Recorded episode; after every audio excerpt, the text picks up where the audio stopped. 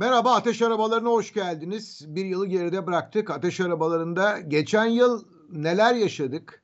Hangi büyük organizasyonları ve o organizasyonlardaki sporcularımızı değerlendireceğiz, yorumlayacağız. Sevgili dostum Mert Aydın'la beraber. Merhaba Mert. Biraz Emre'den bahsedelim bence. Yüzmeyle girelim ne dersin? Bir dünya rekoru. E, tabii hemen değerlendirmeler başlıyor. Ya kısa kul var, işte uzun kul var. Ben onu bilmem. Ben şuna bakarım e, bir spor sever olarak. Bu bir dünya rekoru.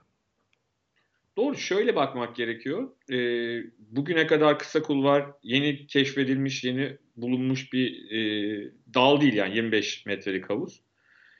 E, çok uzun yıllardır var. Bugüne kadar hiçbir Türk yüzücü dünya rekoru kırmamıştı. Şimdi kırdı. Bir kere bu çok önemli bir şey. Yani kısa kul var diye e, küçümseyenlerin %90'ı hayatında bir yüzme yarışı izlememiştir. Kısa kul var nedir bilmiyordur. Önce onu söyleyeyim. E, tabii ki olimpik havuzdan farklıdır. Farklı değerlendirilir. Bu konuda hiçbir itirazım yok. Ama e, bir Türk yüzücü bugüne kadar böyle bir şey başarmadı.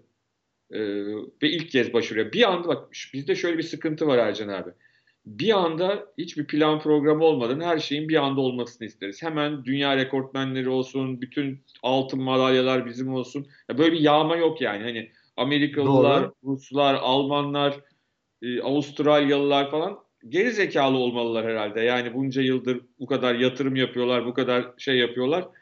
Biz hemen geleceğiz, hemen ilk yetiştirdiğimizle her şeyi kazanacağız. Sabır, sabretmek lazım ve sabrederken de kendi içimizden, kendi yetiştirdiğimiz bir sporcunun, Fenerbahçe kulübünün bir sporcusunun dünya rekoru kırmış olması çok önemli bir şeydir. Bu Aynı yüzme sporunu, yüzme sporunda dünyanın önde gelen ülkeleri aramız, arasında girdiğimizi göstermez. Bu oldu diye e, Emre Sakçı tarihin en büyük yüzücüsü olarak dünyada değerlendirilmez. Ama bu bizim sevinmemize engel bir şey değildir. Gurur duymamıza engel bir şey değildir. Bu bir anlamsız bir şey var herkeste.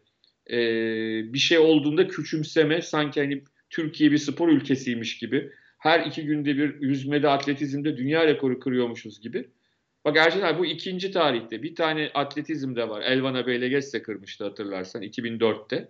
Bir de bu var yüzmede. Yani bu iki dal biliyorsun olimpiyatların ana dalıdır. Bir de jimnastik vardır ama jimnastikte bir rekor falan olmadığı için onu saymayayım. Ama hani ilk hafta e, yüzme idare eder insanları, e, heyecanlandırır. İkinci haftada atletizmi heyecanlandırır. Bu iki dalda birer tane, birer kez dünya rekoru kırmış Türk sporcular. Ve Emre dediğim gibi e, Türkiye'de spora başlamış, Türkiye'de sporunu geliştirmiş bir e, yüzücü. Bu çok çok önemli bir şey. Onun altını çizmek gerekiyor. Belki yarın kaybedecek bu rekoru. Belki 3 gün sonra kaybedecek. Başka bir şeyden bahsediyoruz. Şimdi ee, olimpiyat dedin. Ee, az önce de tabii ki bu yılın en büyük spor olayıydı geçtiğimiz yıl içinde. E, olimpiyat oyunları. Ama pandemi yüzünden seyircisiz olimpiyat. Bir spor sever olarak şöyle bakalım. Fazla keyif aldın mı? Olimpiyat Ama, ateşi tam yandı mı sence? Ercan abi ben açıkçası çok ıı, şüpheliydim. Yani seyircisiz olması, Artı şundan da korkuyordum. Yani işte yarışmalardan hangi spor dalı olursa olsun bir gün önce, iki gün önce en büyük favorilerin Covid olup yarışmadan çekilmek zorunda kalacak olması gibi korkularım vardı. Açıkçası beni özellikle sporcuların performansı ters şekilde terse yatırdı. Yani dünyadaki e, olimpiyata katılan sporcular o seyircisizliği bize unutturdular. Hakikaten çok özel performanslar ortaya koydular. Hangi ülkeden olursa olsun. Bu anlamda benim beklentilerimin üzerine çıkan bir olimpiyat oldu. Belki de şundan da olabilir. O kadar bir yıldır, iki yıldır bütün dünya o kadar bunalıyor ki bu Covid meselesinden dolayı. Evet, bunalmaya yani, devam ediyor. Evet, bir e, bu 15 günlük süredeki o olimpiyatta her spor dalında işte e, acılar çekerek çok e, emek sarf ederek oraya gelmiş dünyanın e, en iyi sporcularını izlemek insanları bir, bir rahatlattı, bir nefes aldırdı. Ve benim bütün kuşkularım ortadan kalktı. Mutlaka onlara sorsak seyircisi olmanısının e, sıkıntılarını anlatırlar. Çünkü onları etkileyen bir şey seyircisi olması. Beni televizyon başında etkileyen bir şey değil. E, ama buna rağmen ben tüm sporcuların layıkıyla olimpiyat performansı gösterdiğini düşünüyorum. O yüzden de e, beni güzel anlamda yanılttığı için de çok mutluyum olimpiyat oyunlarının. 22 yaşında sporcumuz Mete Gazoz okçulukta ilk altın madalyamızı getiriyor. Bu olimpiyat oyunları için ona tabii ki ayrı bir yer açacağız. Tabii ya şimdi şöyle bir şey var Ercan abi. Mete deyince herkes pozitif. Yani mesela sokakta birine Mete Gazoz de hemen güler. Yani insanın aklına böyle hani şimdi bazen gülmeden de översiniz böyle. O şöyle yaptı böyle yaptı. Ya Mete deyince ilk önce o bir gülüşü var ya onun. Rakibi atış yaparken. Ya insanın aklına o geliyor. Hep pozitif, olumlu şeyler geliyor. Bence hani altın madalyanın yanı sıra e, ille böyle acayip adrenalin dolu e, aşırı derecede böyle e, kasmış bir sporcu gelmiyor aklıma. Hani eğlenerek o stresli mücadele ama eğlendiğini de bize anlatan e, bir sporcu geliyor. Bu anlamda örnek bir sporcu geliyor. E, altın madalyası tabii çok önemli. Orada o ödül töreninde, e, madalya töreninde hoşuma giden bir şey orada e, Sayın Uğur Erdener'i gördüm. Evet. Uluslararası Okçuluk Federasyonu Başkanı artı e, Uluslararası Olimpiyat Komitesi Yönetim Kurulu üyesi. Hani onun yıllarca verdiği emekleri sen Ankara'dan çok daha belki iyi e, bilirsin o 80'li yıllarda e, Türk okçuluğunun bir yerlere gelmesi için verdiği emekleri. Nihayetinde hem e, Mete'nin altın madalyası hem Mete ile Yasemin Ecem Anagöz'ün birlikte aldıkları dördüncülük karışıklarda. Çok çok önemli bir e, yere getirdi bence bizi. Yani Türkiye'de e, okçuluk hani aslında biliyorsun okçuluk e, e, tırnak içinde Türklerin asıl atasporlarından bir tanesi olarak bilinir. E, işte Ok Meydanı, Nişantaşı, İstanbul'daki o Doğru. semtler boşu boşuna o isimleri almamışlar. Ama e, sonuçta e, açıkça söylemek gerekirse Mete çok çok önemli bir açılım getirdi ve artı tekrar söylüyorum o pozitif, olumlu yanıyla da e, insanları bu spora çekti. Yani sadece başarılı değil aynı zamanda da bence e, bir çekim alanı yaratmayı başaran bir e, sporcu. Ben bunu çok çok önemsiyorum. Şampiyon kadın boksörümüz Türk boks tarihi içinde yine spor tarihini de tabii buna katacağız. Çok büyük başarı altın madalyası. Yüzde yüz doğru ve yani şöyle söyleyeyim hani daha ilk tur maçından itibaren e, o altın madalyanın geleceğini hissettirdi. Yani şimdi şöyle bir şey var tabii ki her spor dalında olduğu gibi boksta da bütün katılımcılar o altın madalyayı almak için elinden geleni yapıyor. Ama bu sene sürmeli, e, e, sürmeneli pardon. E, açıkçası daha ilk turdan itibaren o altın madalyanın en büyük favorisi olduğunu çok net gösterdi yaptığı maçlarla. İşte o da mesela Mete gibi çok önemli bir özelliğe sahip. O da eğleniyor. Evet. Boks çok eğlenecek bir spor değil aslında yaparken. Ama hani bu seans dans ediyor, değişik figürler ortaya koyuyor. Ee, biraz işin daha nasıl diyelim gösteri kısmını da çok iyi başarıyor. Hatta o yüzden uluslararası basında da hani bu Senat Sürmenen'in yakın zamanda belki profesyonel olabileceğine dair konuşmalar var. Amerikalı özellikle organizatörler. Çünkü çok basit yani hani orada bir e, şov gerçekleştiriyor, bir gösteri gerçekleştiriyor bu Senaz. Ve bu çok hakikaten e, değerli. Bir başka Buse Naz gümüş madalya, gümüş madalya aldım. Evet Buse Naz Çakıroğlu. E, yani adı Buse Naz olanlar olimpiyat madalyası alıyor galiba. Bu aralar çocuklara bu isimleri koymakta fayda var. E, hakikaten çok değerli e, iki madalya geldi kadın boksunda. Ferhat Arıcan'ın jimnastikte ülkemize getirdiği madalyadan da mutlaka bahsetmemiz gerekiyor. Türk ya, jimnastik tarihine hemen döneceğiz çünkü bu madalya içinde. Tabii yani e, şöyle söyleyelim. Hem Ferhat'ın bronz madalyası hem de diğer sporcularımızın ilk sekizleri çok çok önemli. Yani neden çok önemli? Ee, tamam bazen bir tane sporcu yetiştirebilirsiniz süper. Buna şansınız da yaver gider. Yani öyle bir yetenek vardır, şudur budur. Ama biz sadece Ferhat Arıcan'ın bronz madalyasıyla oradan dönmedik jimnastikte. Diğer sporcularımız da ilk 8 yaptılar değişik e, alet finallerine kaldılar. Bu çok iyi bir takımımız olduğunu gösteriyor. Bence bunun altını çizmek gerekiyor. Demin programın başında bahsettik. Jimnastik aynı atletizm ve yüzme gibi e, şeyi taşıyan, olimpiyatı taşıyan üç ana daldan bir tanesi. Ve biz yıllardır çok fazla kendimizi göstermedik, gösteremedik e, bu dalda. Yavaş yavaş işte 2012, 2016 yavaş yavaş sporcularımız katılmaya başladılar.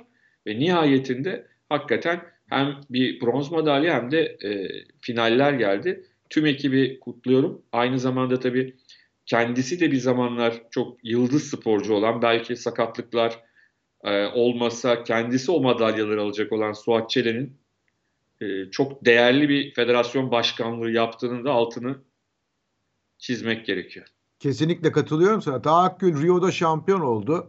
Ama bu olimpiyatta üçüncülüğü aldı. Esasında güreşte o beklediğimiz büyük başarıları elde edebildik mi? Mesela aklıma geliyor Rıza Kayaalp.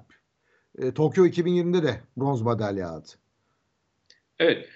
Genel olarak bakıldığında, genel olarak bakıldığında mesela Rio'da e, güreşte patlama yapmıştık. Madalya patlaması yapmıştık. Bu kez öyle olmadı. Yani Taha'nın ya da Rıza'nın aldığı madalyaların renginin ötesinde e, diğer takım arkadaşları da çok iyi bir performans ortaya koyamadılar. Bunun işte Covid'de şunu de bunu de bilmiyorum ama güreşte e, zaten hani hepimiz Taha ile Rıza'dan madalya bekliyorduk. Belki renkleri daha farklıydı ama sonuçta oradan hani iki madalya gelmesi çok anormal bir durum değil. Ama sonuçta hangi madalyayı alırlarsa aslında ikisi de hani Türk spor tarihine zaten geçmiş sporcular.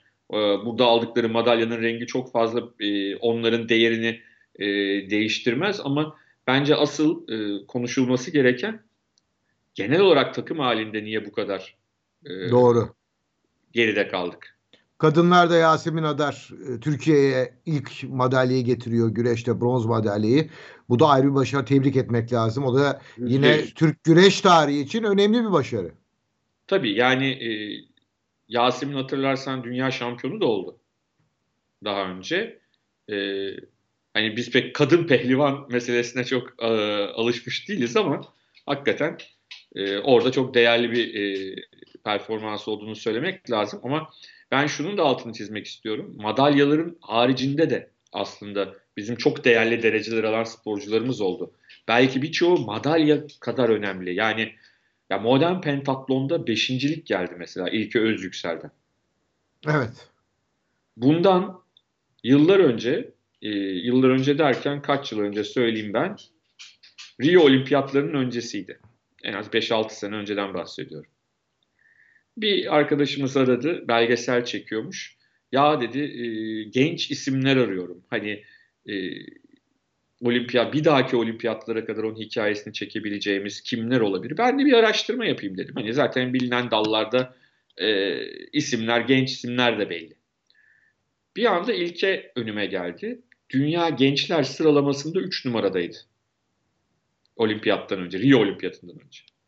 Sonrasında yaptığım araştırma, işte bilgi, ilgililerle de konuştum. Bir anda bir altın madeninin var olduğunu öğrendim Türk sporunda. Ben geç öğrendim. Yani benden önce öğrenenler de var da ben geç öğrenmiş oldum. Ve ondan sonra sürpriz bir anda kotayı geçip çok genç yaşta Rio'ya katıldı. 30. oldu sanırım ama o bir tecrübeyi yaşadı. Ama ondan sonra e, aradaki 5 yıl içinde e, Grand Prix'lerde işte e, modern pentatlonla ilgili bütün büyük e, turnuvalarda hep en üstlerde yer aldı. Burada da belki e, son güne biraz daha iyi bir dereceyle girebilmiş olsaydı madalyayı da zorlayacaktı.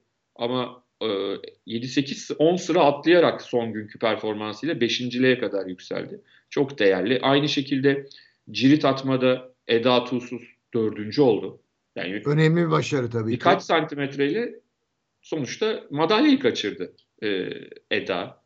Ondan sonra Necati Er 3 adım atlamada altıncı oldu. Yani olimpiyat altıncı Sercan abi 3 adım atlamada. Yani aklımızın ucundan geçecek şeyler değil ve bu sporcular bizim kendi üretimimiz sporcular.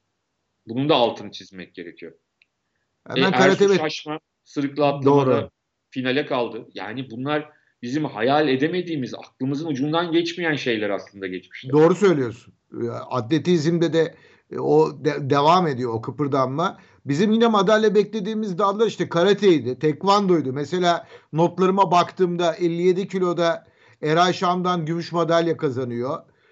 E, artı 75'te komitede Uğur Aktaş, Ali Sofuoğlu, kadınlar komite 61 kiloda yine Merve Çoban bronz madalyanın sahibi oldular. Tebrik ettik hep kendilerini o zaman da.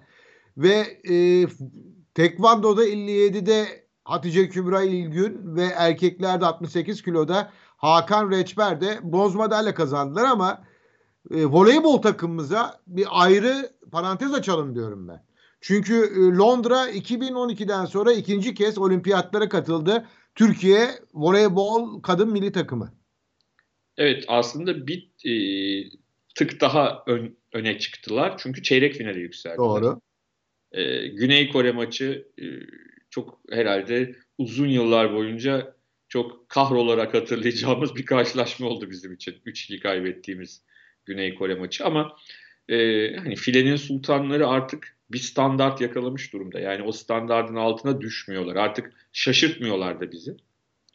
E, belki o bazı e, kritik maçlarda bir takım o son setlerde e, sıkıntılar yaşanmasa bundan sonra daha iyi olacak. O zaman belki o takımın mücadelesinin hak ettiği daha yüksek madalyalar, daha yüksek yerlere de gelebileceğiz. Yani çünkü bu takım hem e, bu takımın oyuncuları hem dünyanın en iyi oyuncularının oynadığı, çoğunun oynadığı ligde oynuyorlar ve de oynuyorlar takımlarında. Yani bu hani yabancı muhabbeti hep diğer sporlarda da var ya. Yani bu kızlar yabancıları futboldan da basketboldan da daha kaliteli olan bir ligde oynuyorlar. Ve forma buluyorlar. Bu çok önemli bir şey. Şimdi bazıları Artık Türkiye bence bir voleybol ülkesi haline geldi kadınlarda zaten. Ya biraz zorla yaptılar öyle söyleyeyim. Yani e, ülkesi haline geldik diye kendimize pay çıkarmak istemiyorum. Çünkü bence voleybol camiası kendisi bunu böyle e, tırnaklarıyla kazıyarak elde etti. Yani medyasından e, oyuncularına, antrenöründen yöneticilerine kadar tırnaklarıyla kazıdılar ve e, Türk kadın voleybolunu çok önemli bir noktaya getirdiler ki erkeklerde de yavaş yavaş bir kıpırdanma var. Belli bir noktaya doğru yavaş yavaş ilerliyoruz.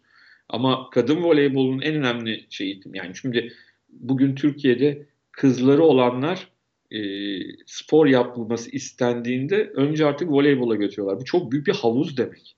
Bu havuzu değerlendirecek çok iyi altyapılar var Türkiye'de. Altyapı okulları var. Çok iyi antrenörler var. Altyapı antrenörleri var. Bunu sağladığınız zaman o çarkı döndürmeye başladığınız zaman işte o zaman Ebrarlar, Zehralar, Handeler hepsi arka arkaya geliyor. Yani şöyle diyelim bizim daha birkaç yıl öncesine kadar bütün şampiyonlarda sayı kraliçemiz kimdi? Neslihan. Değil mi? Evet. Neslihan voleybolu bırakalı yıllar oldu. Kadıncağız artık e, yöneticilik yapıyor. Arıyor muyuz ki? Aramıyoruz sahada. Halbuki en büyük skorerimizdi. Bence bunlar çok önemli. Şimdi Eda da bırakacak, Naz da bırakacak. Yani sonuçta onlar da insanlar belli bir noktada. Arkadan gelen bir ekip var ama. İşte bence esas önemli olan nokta bu. Esas önemli olan nokta bu. Yani işte e,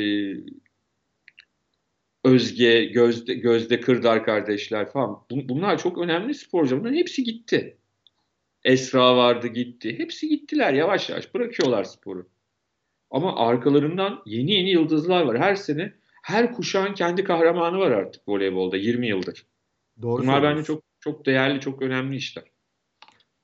Paralimpik'te golbolda, masa tenisinde, tekvandoda, judoda, yüzmede, atıcılıkta madalya alan ve bizleri gururlandıran bütün sporcularımıza e, bu program vesilesiyle de ben bir kez daha teşekkür etmek isterim. Hemen evet. küçük bir şey söyleyeyim. E, bu, tam Paralimpik'ten çok kısa süre sonraydı. E, Londra'da bir kafede bir e, beyefendi gördüm. Üzerinde 2012 London işte Paralympics gol bol yazmış. Ya adamın böyle bir şey olabileceği hiç aklıma gelmedi. Acaba şey diye düşündüm. Hani Londra'da gönüllü olarak mı çalıştı? Gittim sordum. Ya olur mu dedi. Ben dedi İngiliz o dönem 2012'de Britanya golbol takımının tek hocasıydım dedi. Aa falan dedim. Adam rugby normalde rugby antrenörü de golbol diye bir şey o sırada bilmedikleri için Britanya yeni takım kurmuş hani Paralimpik'te. Hani topla oynandığı için işte rugby takımının antrenörünü koymuşlar. Ben dedim Türkiye dedim dedim. Dedi ki o dedi şampiyonlar dedi. Ya çok heyecan verici bir şey bu. İki çok. paralimpik üst üste takım sporunda e, golbolda şampiyonluk elde ettik. Bu çok önemli. Yani bir takım sporunda altın madalya, iki paralimpiyat üst üste çok özel bir şey. Bunun yanında birçok yani hepsi birer kahraman. Madalya alan almayan o e, ekibin. E, bir de birinden daha bahsedeceğim. O da çok özel bir adam. Abdullah Öztürk masa tenisinde. E, o da ikinci kez üst üste. Büyük Altın bir başarı imza attı o da. Doğru söylüyorsun. E, çok önemli bir şey ya. İki tane üst üste yani. Hani bunlar kolay değil. E, yapması çok kolay değil. Yıllar önce e, şeyden sonra e, 2016'dan sonra Boğaziçi Üniversitesi'nde bir ödül töreni vardı. Orada karşılaştık Abdullah'la. E, o e, Paralimpik'te de final maçında Koreli'ye acayip bir şey Çinli'ye acayip bir şey yapmıştı. Böyle tam anlatamayacağım böyle falso verip daha hı hı. top rakip alana inmeden o yumruk sallayarak tekerlekli sandalyesiyle gitmişti. Yani adam hani cevap veremeyeceğini daha vururken biliyordu. Dedim ki adamı bitirdin dedim şeyde e, ödül töreni önce. Abi dedi o bizi yıllardır bitiriyordu. Onlar bizi bitiriyordu artık biraz da biz bitirelim dedi. Çok Hakikaten e, bu sefer de bitirmeye devam ettik ki onun kardeş de biliyorsun. O da madalya aldı. Onlar hani abi kardeş maşallah e, her paralimpikte e, madalya çıkarıyorlar. Dediğim gibi paralimpik takımımızın madalya alanından alınmayanına kadar hepsi birer bence şampiyon zaten. Hepsi birer kahraman. Aerobik'te dünya şampiyonu yine Türkiye'den Ayşe Begüm Onbaşı. E, onu da kutlamamız lazım. O da önemli bir başarı imza attı çünkü. Doğru. Biraz Ayşe Begüm'ün şanssızlığı e, dalının olimpik spor ya da olimpiyatlarda olmaması. Yani biraz o e, ona olan bakışı, ona olan e, değerlendirmeyi biraz düşürüyor. Onun bir suçu yok bunda. O gayet başarılı bir sporcu ve çok da gurur e, duyuyoruz onun performansıyla. Ama biraz biraz şanssızlık bu. Yani Doğru söylüyorsun. E, yani ne bileyim. Şimdi Formüle 1 de yok olimpiyatta ama Formüle 1'in öyle bir potansiyeli ve seyirci şeyi var ki yani onun olimpiyat şampiyonu olmalarına ihtiyaç yok ama Ayşe Begüm Onbaşı'nın dalı aerobik jimnastik onların olması lazım. Olmadığı için de maalesef yani breakdance olup o yok mesela. Yani mesela insan şey yapıyor. Ne derler? Acayip geliyor. Kay kay var mesela değil mi? Öyle değil ben mi? Ben kaykayı sevdim Ercan abi. Neyse. Neyse. Anadolu Efes'in Euroleague şampiyonluğu. Geciken bir şampiyonluktu bence Mert. Ve biraz Lewandowski gibi olacaklardı onlardan. Biliyorsun Doğru. yani en formda oldukları sene yarıda kesildi. Ee, bu sene en azından onu tamamlamış oldular. Önemli bir şey oldu. Yani bizim de e, ikinci kez bir Euroleague şampiyonumuz oldu. E, bu da çok küçümsenecek bir şey değil. Onun altını evet. çizmek gerekiyor. Uluslararası alana bakarsak işte Messi mesela Arjantin milli takımıyla kupa alamıyor ne olacak derken Copa Amerika'yı Messi ile Arjantin aldı. Evet. Ya burada tabii şu var. Copa Amerika birazcık yani Messi'nin şanssızlığı aslında çok şanssızlık değil. E, Frans futbolda e, ödül ödülünde o Copa Amerika ona bir e, altın top kazandırdı. Çok net bir şekilde söyleyelim. E, ama şunu söylemek lazım ya da şöyle diyeyim. Arjantin daha önce Messi ile kazanabilmiş olsa bu kez kazandığında altın top için ona e, oy verilir miydi onu bilmiyorum ama iki kez finalden penaltılarla döndükten sonra bu kez kazanmış olması önemli. Ama Copa Amerika'nın hani bundan 10 sene önceki, 20 sene önceki kalitesinde olduğunu da söyleyemeyeceğiz. Onu altında çizmek lazım. Oyuncudan bahsetmiyorum. Birçok turnuvada o bahsettiğin kalitesizlik bazen ortaya çıkıyor. Ya sadece bunu oyuncu bazında söylemiyorum. Oyuncu bazında çok kaliteli Güney Amerikalı oyuncular var. Yani hepsinin Avrupa'da neler yaptığını görüyoruz ama şunu söylemek lazım. Son dünya kupalarına baktığımızda Güney Amerika takımlarının hepsi nal topluyor. hep Avrupa takımlarını izliyoruz. Hep Avrupa takımları e, bazen 4'te 4 Avrupa takımı oluyor yarı finalde. Yani e, birazcık Güney Amerika kıtasının e, bu konuda oturup düşünmesi lazım diyeceğim. E, genel bireysel anlamda değil, bireysel çok yetenekli, çok özel oyuncular Brezilya'dan, Arjantin'den, diğer Güney Amerika ülkelerinden hala çıkıyor. Hala bunlar e, dünyanın en önemli oyuncuları ama e, milli takım seviyesinde çok düştüler. E, o yüzden de hani Copa Amerika'nın şu anda bence eski havası yok gibi duruyor. Havası demeyelim, hava yine var da kalitesi ya da işte ona saygı duymamızı gerektirecek seviyesi anlamında. Orada biraz e, eski Copa Amerikalar gibi değil demek zorundayız. Formula 1'de o bir puanlık fark ve Hamilton'ın kaybedişi bu tam bir öykü oldu. Bu seneki Formula 1 için. Tabii yani e, Formula 1'in heyecanının kaybettiği ya da işte Schumacher'in olduğu dönemdeki kadar izlenip izlenmediği konuşuluyordu, tartışılıyordu. Ama bu sene e, hani senaryo yazsan bu kadar olmaz. Bir de o iptal edilen e, şey yüzünden buçuklu puanlar, e, yarış yüzünden buçuklu puanlar ve eşit puanla girildi ve son turda sonuç belli oldu. E, Verstappen ile Hamilton arasında. Bu yani ileride filmi de, belgeseli de, her şeyde çekilebilir e, bir şey. Ve de çok anlamsız bir şekilde hani dünyadan daha çok Türkiye'de insanların bu konuda bile kutuplaşması da beni e, açıkçası bol bol güldürdü. Avrupa Futbol Şampiyonası maalesef aklımıza Eriksen'in o talihsiz düşüşü, yaşadığı kalp krizi hemen geliyor ama şöyle bir gerçek var. Oynadığı oyunla da İtalya Avrupa şampiyonluğunu hak etti. Bizse bu turnuvada yerimizde saydık. Yerimizde saymadık Ercan abi. Bence yerimizden daha geriye gittik. Olabilir. Olabilir. Yani daha iyi bir şey bekliyorduk. Daha iyi bir performans bekliyorduk. Bu şu demek değil yani Türkiye'nin kupayı kazanmasını falan beklemek gibi bir hayalimiz yoktu. Ama en azından gruptan e, çıkmayı bekliyorduk. Hayal ediyorduk. Böyle bir kadromuz olduğunu düşünüyorduk ama e, bence genel anlamda federasyonundan teknik heyetine kadar, futbolcularına kadar doğru bir organizasyon yapılmadığı çok açık. Turnuva öncesinde turnuvaya hazırlık döneminde. Bunu çok net olarak gördük. Yani e, sahada ne yaptığı belli olmayan bir takım vardı. E, bunun da biraz devamı geldi. Yani e, Dünya Kupası elemelerinde e, turnuvanın ardından oynanan maçlarda gösterdiğimiz performansla işte Hollanda'dan 6 yiyerek falan devam ettik. E, Maalesef. Sonrası işte Şenol Güneş'in gelişi, Kuntz'un gelişi şudur budur. E, şimdi bir takım şeyler değiştirerek halletmeye çalışıyoruz ama Türkiye adına çok e, hayırlı an, an, an, anmayacağı bir turnuva oldu. Ha 2016'daki gibi rezillikler olmadı.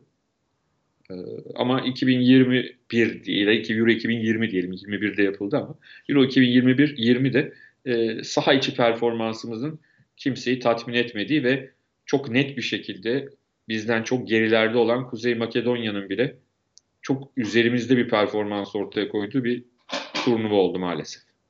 İtalya açısından haklısın ee, ama bence turnuvanın benim gözümdeki gerçek galibi yani şampiyonu değil şampiyonu İtalya oynadığı futbolla sonuna kadar hak etti. Ben iki takımın asıl e, daha öne çıktığını düşünüyorum. Yani İtalya'nın belki de Dünya Kupası'na gidemeyecek İtalya bu arada. Ee, İtalya'nın İtalya'nın e, çok güzel, çok organize, Mancini yönetiminde büyük bir yıldız olmadan hakikaten e, hepsinin eşit öneme sahip olarak oynadığı güzel futbolu takdir etmekle birlikte İspanya ve İngiltere'nin önümüzdeki turnuvalarda İtalya'nın önünde olacağını düşünüyorum ben. Ellerindeki Öyle bir görüntü kadro, hissettik, doğru. Ellerindeki kadronun gençliği, dinamizmiyle e, önümüzdeki turnuvalarda bence İtalya'yı geriye e, daha arkaya alabilecek takımlar İspanya ve İngiltere. Yanlış anlaşılmasın yani Almanya'sı, Fransa'sı bunlar hala çok yüksek. Ben sadece bu turnuvanın gösterdiği şey anlamında söylüyorum. Ee, onlar tabii ki her zaman e, onların önünde bitirebilirler, daha farklı olabilir ama bana İngiltere ve İspanya o anlamda çok daha farklı mesajlar verdi. Önemli konu başlıklarını konuştuk. Bizim sporcularımızı ilgilendiren dünyadaki uluslararası turnuvalardan bahsettik. Ben e, yeni yılın herkese sağlık ve mutluluk getirmesini diliyorum Mert. Sen? E ben de yani özellikle sağlık kısmı artık hani her zaman diliyorduk ama biraz laf olsun torba da olsun oluyordu. Bu kez gerçekten e, maskesiz sağlıklı bir yıl olmasını diliyorum. İlk bölümü olmayacak öyle biliyoruz yani maskesiz olmayacak ama artık yani 2022'nin sonunda bari bir program yaparken oh nihayet kurtulduk diyelim umut ediyorum. Görüşmek umuduyla 2022'de.